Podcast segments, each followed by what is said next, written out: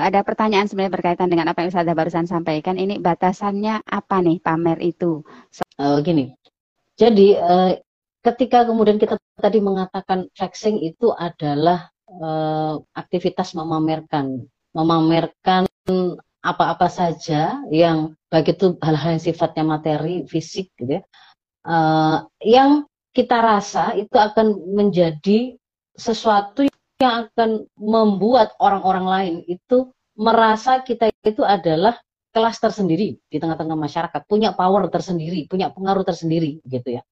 Yang itu memang orientasinya benar-benar semata-mata hanya yang sifatnya materi, bukan kemudian um, apa namanya memamerkan kebaikan yang dilakukan. Nanti memang penampakannya bisa sama, tetapi di situ memang ada melibatkan unsur yang tidak terlihat dengan apa yang terlihat, apa yang kita kita kenal dengan niat dengan keikhlasan dengan tampilan amal fisiknya, amal jawarihnya gitu ya. Memang ada ada perpaduan antara itu.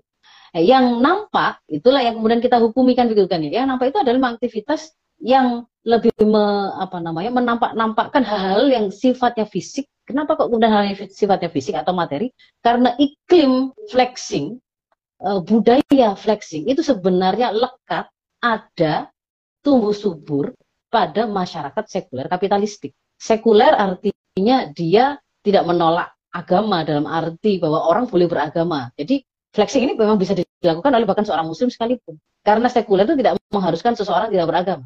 Dia boleh beragama. Tetapi ketika kemudian bicara bagaimana, bagaimana menjalani hidup keseharian, baik dalam ranah personal, keluarga, bermasyarakat, hingga bernegara, jangan bawa agama. Ketika bergaul, ketika menjadi pejabat, ketika menjadi seorang influencer, dan seterusnya, seterusnya, itu sekuler itu meniscayakan tidak boleh membawa ukuran-ukuran standar tuntunan agama di dalamnya. Termasuk di dalam itu adalah halal haram, e, tawadu, keikhlasan. Itu tidak boleh ada bahasan-bahasan seperti itu. Karena sekuler itu tuh tidak mengenal itu. Itu dari sisi gambaran sekuler, masalah sekuler. Kapitalistik, kapitalistik itu untuk menggambarkan sebuah gambaran masyarakat yang sedang diterapkan di sana ideologi atau tata nilai kapitalisme namanya saja kapitalisme ya. Isme yang menjadikan kapital sebagai penentu, ya, sebagai sesuatu yang sangat penting. Karena si modal ini dijadikan sebagai sesuatu yang sangat penting, sangat berpengaruh, maka memang nilai-nilai yang ada di, di dalam masyarakat yang kapitalistik ini benar-benar menjadikan orientasi materi, eh, kesejahteraan, raya, rayahan harta yang sifatnya itu kebendaan dan duniawi, bukan nggak ada sama sekali orientasi akhirat, itu sebagai sesuatu yang diagung-agungkan. Semakin orang itu terlihat rumahnya semakin banyak, semakin luas, mobilnya semakin banyak, semakin eh, apa namanya mewah, gitu kan ya. Eh, bajunya semakin branded, tas-tasnya yang dibawa, perhiasan yang kemudian menempel di tubuh itu semakin banyak. Itulah yang kemudian mewakili sosok yang paling mulia dalam sistem kapitalisme. Sosok yang paling bahagia dalam pandangan masyarakat kapitalistik. Nah, karena kemudian raihan tertingginya itu adalah mendapatkan nilai-nilai barang-barang kebahagiaan sifatnya sifatnya itu fisik, maka ketika mereka memilikinya di hmm. antara yang kemudian akan melekat dan tidak akan bisa dilepaskan itu adalah mereka juga ingin memamerkannya. Lah, buat apa punya? Kalau kemudian tidak membuat orang lain tahu, maka akan lekat ke dalam uh, tata nilai kapitalistik itu. Itu adalah gaya hidup yang selain konsumtif, ya, konsumerisme, hedonis, juga flexing ini. Itu kalau sebagian pakar mengatakan, jadi gaya hidup konsumerisme dan flexing itu sebenarnya adalah tampilan terluar dari gaya hidup atau ideologi dari sekuler kapitalisme.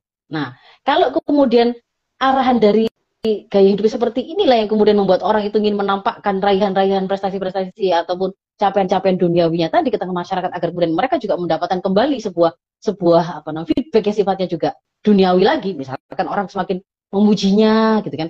Orang kemudian semakin uh, menghormatinya memudahkan urusannya uh, memilihnya menjadi anggota dewan memilihnya jadi penguasa dan seterusnya maka itulah namanya flexing gitu. Tidak termasuk di dalam flexing itu uh, ketika seseorang menampakkan misalkan ke apa namanya dia memiliki pengetahuan yang luas misalkan lalu kemudian membaginya di sosmed dengan dengan sebuah uh, tujuan tujuannya akhirnya tadi kan tujuannya adalah untuk melakukan sharing uh, ilmu yang dia punya sakofa yang dia punya mungkin kebijakan uh, dalam memandang suatu persoalan yang dia punya, yang kemudian dia juga membuka diri untuk masyarakat mengambil kebaikan dari apa yang dia sampaikan. Misalkan itu itu bukan sebuah flexing. Atau kemudian seorang agnia yang kemudian melakukan sodakohnya dengan terang-terangan. Karena secara secara hadis pun begitu ya, dan juga tuntunan di dalam Al-Quran pun sodako itu mau dilakukan terang-terangan maupun dilakukan secara sembunyi-sembunyi dua-duanya itu sesuatu yang dibolehkan kan begitu. Nah kalau kita bicara flexing itu tidak ada, tidak ada cantolan ke akhirat, tidak ada cantolan instruksi labilah, tidak ada itu.